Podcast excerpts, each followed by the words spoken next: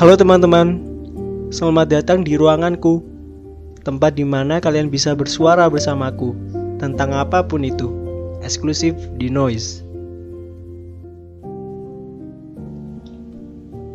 Hai semua, selamat mendengar ya di podcast Ruanganku. Kali ini yang akan bersuara adalah aku dengan judul Aku dan Diriku. Hmm, mengenal diriku seolah-olah aku tak mengenali diriku. Padahal orang lain tahu aku, siapa namaku, tempat tinggalku, mereka tahulah siapa aku. Tapi di ruang waktuku, di waktu sedang ingin berpikir, aku memikirkan sesuatu yang tak pernah kufikirkan dari dulu, tentang kesadaran, tentang diriku. Pertanyaan demi pertanyaan mulai muncul. Siapa aku? Dari mana asalku? Untuk apa aku lahir di dunia ini? Apakah diriku ada diriku sendiri? Dan apakah di dalam diri ini ada diriku yang lain? Pertanyaan itu masih menjadi misteri. Waktu terus berjalan dan ya, aku belum menemukan jawabannya. Di suatu hari, aku terfikirkan akan pertanyaan itu. Apakah aku harus mencari jawabannya? Merenung dan merenung Apakah aku bisa menemukan jawabannya? Jelas aku belum tahu kalau aku belum memulainya. Oke, dan di saat itulah aku mulai untuk mencari aku dan diriku. Menemukan dan mencari diri kita sendiri, apakah kalian pernah mengalami hal ini? Hal di mana di dalam diri kita ada diri kita yang lain dan kesadaran yang lain yang selalu ada buat kita entah di saat kita gembira atau di saat kita lagi bersedih.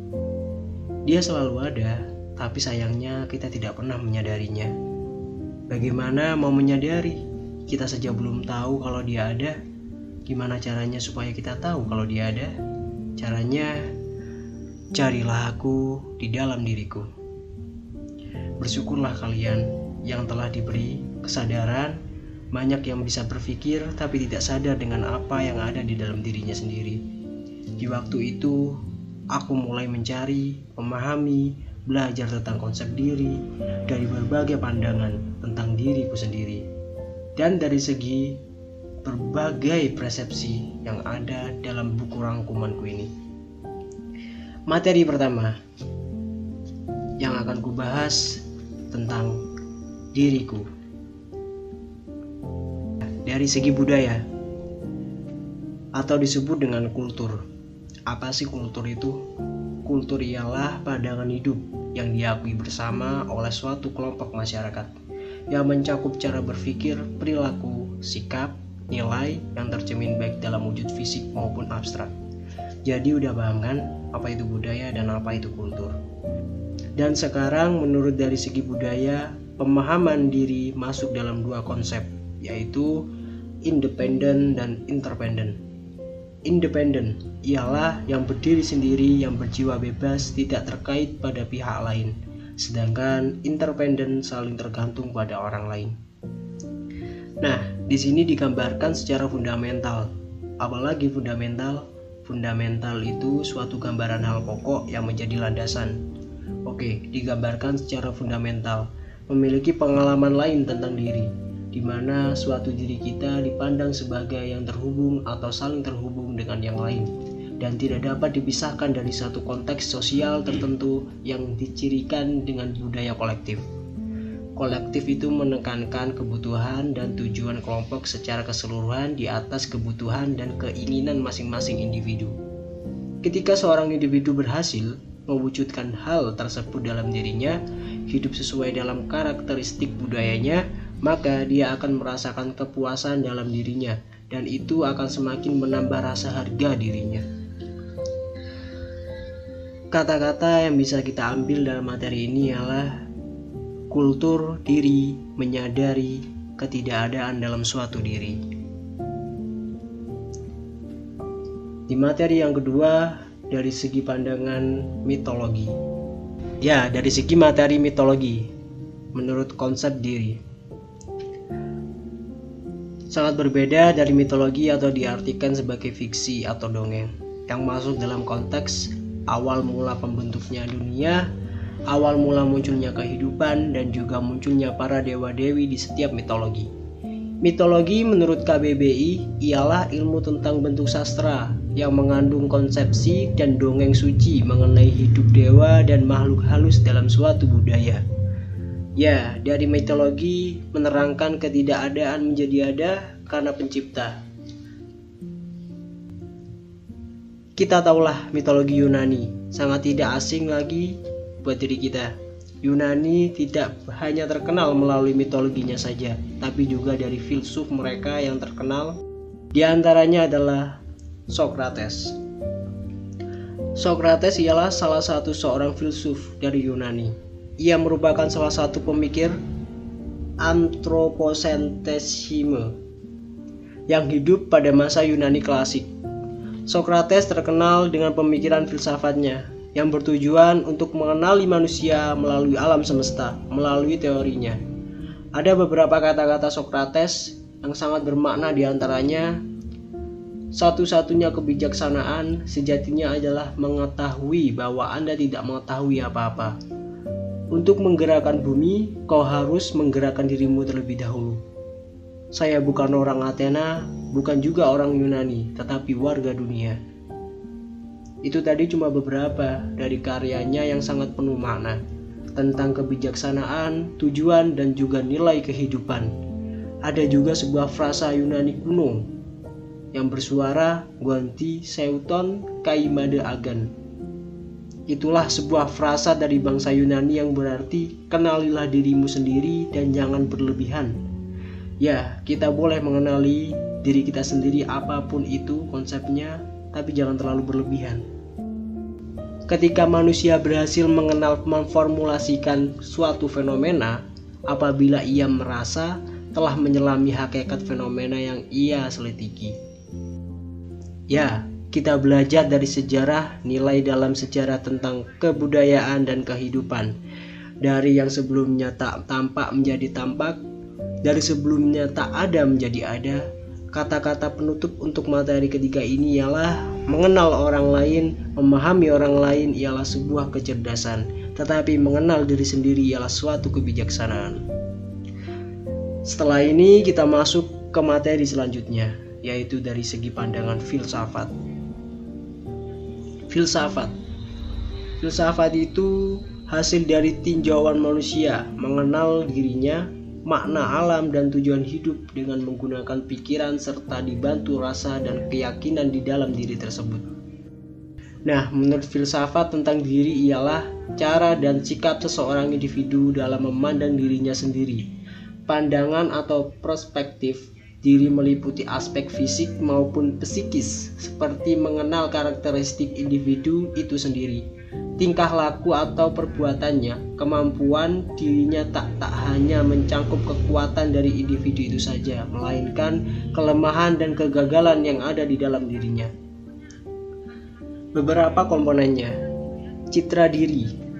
Citra diri atau bisa disebut gambaran diri ini bisa dikenal sebagai perilaku individu secara fisik kepada dirinya sendiri, baik disadari maupun tak disadari. Ideal diri Persepsi seseorang individu mengenal bagian mana individu tersebut semestinya berperilaku berdasarkan pada standar pribadinya dan terkait pada cita-citanya. Harga diri Persepsi seseorang individu akan hasil yang ia capai dengan menelah seberapa banyak kesesuaian perilakunya dengan ideal dirinya. Peran diri segenap bentuk sikap untuk tingkah laku, nilai, dan tujuan yang diharapkan oleh suatu kelompok sosial terkait dengan fungsi dan peran individu di dalam masyarakat atau kelompok sosial tersebut. Identitas diri, kepekaan individu terhadap dirinya yang dihasilkan dari pengamatan dan penilaian dirinya dengan menyadari bahwa dirinya itu memiliki perbedaan dengan individu lain. Itu beberapa komponennya dalam diri kita dan diri kita juga merupakan pusat dalam pribadi dirinya sendiri. Meliputi empat komponen lagi. Diri spiritual, diri kebendaan, diri sosial, dan diri badaniah. Diri spiritual mencakup kepuasan yang kita rasakan, bahkan apa yang kita lihat dan apa yang kita punyai. Diri kebendaan meliputi benda-benda yang kita lihat sebagai bagian dari diri kita. Diri sosial, segala sesuatu yang berhubungan dengan interaksi ataupun sosialisasi terhadap orang lain. Diri badaniah merupakan diri yang berhubungan dengan fisik seseorang. Nah, dari empat itulah pentingnya konsep diri, jati diri ataupun hakikat diri dalam setiap diri manusia. Semua itu akan mudah dipahami jika seseorang diri sudah bisa memahami pribadi dan karakteristiknya diri sendiri. Hal itu sangatlah penting untuk dipahami dan dikaji karena semua permasalahan akan kembali pada diri sendiri bukan orang lain.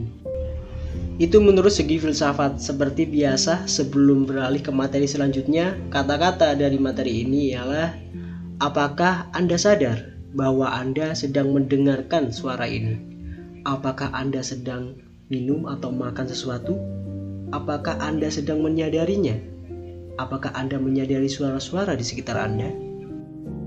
Ya, melanjut lagi ke materi selanjutnya. Konsep diri menurut segi agama.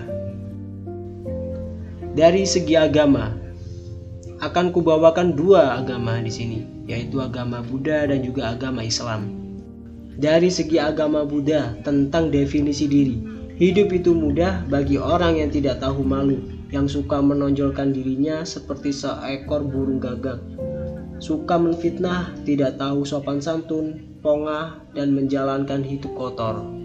Hidup ini sukar bagi orang yang tidak tahu malu, yang senantiasa mengajar kesucian, yang bebas dari kemelekatan, rendah hati, menjalankan hidup bersih dan penuh perhatian. Dalam pandangan Buddha, terlahir sebagai manusia adalah sulit dan merupakan kesempatan yang sangat berharga. Dikatakan sulit terlahir sebagai manusia karena kualitas karma baik yang mendorong lahir ke alam manusia adalah sila yang sangat baik dan dikatakan sangat berharga karena di alam manusia tidak akan melihat dengan jelas penderitaan sehingga kemungkinan greget untuk membebaskan diri dari penderitaan lebih besar. Secara kosmologi Buddhis, alam manusia adalah alam tengah antara alam penderitaan dan alam bahagia Hal ini amat memungkinkan manusia merasakan secara silih berganti penderitaan dan kebahagiaan. Bagi mereka yang tidak menyadari dan tidak mensyukuri arti kehidupan ini, maka ia menjalani hidup dengan seenaknya yang dicari hanyalah kesenangan. Hidup itu mudah bagi yang tidak punya kesadaran diri karena tidak sadar bahaya-bahaya dalam hidupnya. Dia berbuat sekedar mencari kesenangan, asal bisa makan, asal bisa hidup enak, asal tercapai apa yang dia inginkan. Hidup itu mudah, namun cara untuk memaknai dan mensyukuri hidup bukanlah perkara yang mudah. Nasihat seseorang Buddha, segala yang berbentuk akan lenyap kembali. Berjuanglah dengan tekun, mencapai pembebasan.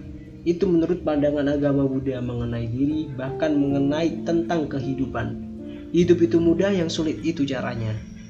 Menurut segi agama Islam, seorang diri mengenal diri adalah salah satu kegiatan yang sangat dianjurkan dalam agama Islam sebab mengenal diri sendiri merupakan kunci untuk mengenali Allah Subhanahu wa taala.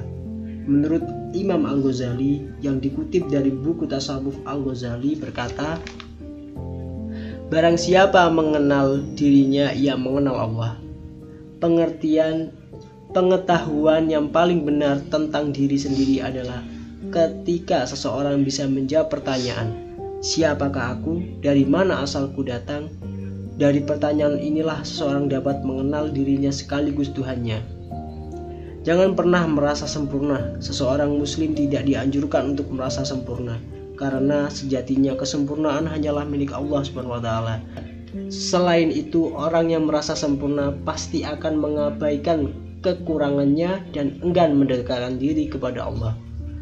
Muhasabah diri adalah cara terbaik untuk mengenal diri sendiri, sebab muhasabah adalah tindakan mengoleksi diri sendiri, terutama ketika kita tergelincir pada jurang kesalahan Dengan bermuhasabah, umat Islam diminta untuk melihat dan merenungi kembali perbuatannya. Bersyukur, orang yang selalu bersyukur artinya mereka memahami bahwa segala sesuatu yang dimilikinya berasal dari Allah. Sebab bersyukur merupakan tindakan berterima kasih kepada Allah atas nikmat yang Dia berikan kepada kita semua. Konteks diri dari segi perspektif Jawa. Manusia terdiri dari ragawi dan rohani.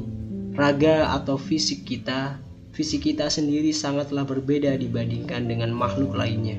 Mempunyai otak untuk berpikir, hidung untuk bernafas, telinga untuk mendengar, mulut untuk berbicara, tangan untuk menggenggam, dan kaki untuk berjalan. Berbeda dibandingkan dengan hewan dan tumbuhan yang cuma hidup untuk hidup. Berbeda dengan kita Homo sapiens yang dikaruniai dengan tingkat kesadaran hidup dan mampu berpikir.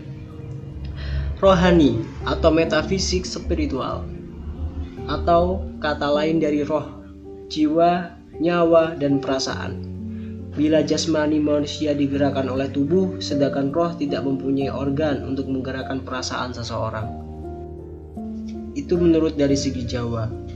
Mengartikan kalau manusia tidak cuma memiliki raga fisik, melainkan juga rohani, yaitu jiwa yang ada di dalam dirinya. Nyatu eng rogo, sempurno eng sukmo. Mudah-mudahan setelah ini kita memahami siapa kita, mengapa kita ada, dan mau ke mana kita nanti. Pikiran kita tidak galau lagi karena bingung tentang jati diri. Kini sudah jelas apa yang perlu kita jalani dan konsekuensikan di ke depannya, yaitu mengenali hidup untuk mempersiapkan diri untuk menghadapi hari esok. Ya, sudah usai materi mengenal diri kita sendiri menurut lima materi yang aku bawakan ini. Dari sini kita memahami tentang raga dan sukma. Raga sebagai cangkang dan sukma sebagai kehidupan di dalam dirinya. Dan budaya sebagai karakteristiknya, mitologi sebagai gerakannya, filsafat sebagai pikirannya, dan agama sebagai kesadarannya. Semua menjadi satu-satu keutuhan yang utuh. Satu keutuhan yang penting bagi diri kita. Di balik diri ada sang menyadari, Sang Yang Urip yang menyadari diri kita dalam diri, yaitu Sang Ilahilah yang mempunyai kesadaran pada diri kita akan kesadaran suatu diri. Dan selesailah suaraku di episode kali ini. Kalau kurang jelas atau ada yang salah dari perkataanku, aku minta maaf. Itu tadi konteks diri menurut pandanganku. Semua orang pasti memiliki caranya sendiri untuk mengenali dirinya sendiri. Bagi kalian yang ingin menyuarakan suara kalian, boleh kalian tulis di kolom komentar atau tinggal kirim aja di chat pribadi ruanganku. Siapa tahu suara kalian yang terpilih untuk episode selanjutnya. Dan inilah suaraku tentang aku dan diriku. Kutunggu suaramu.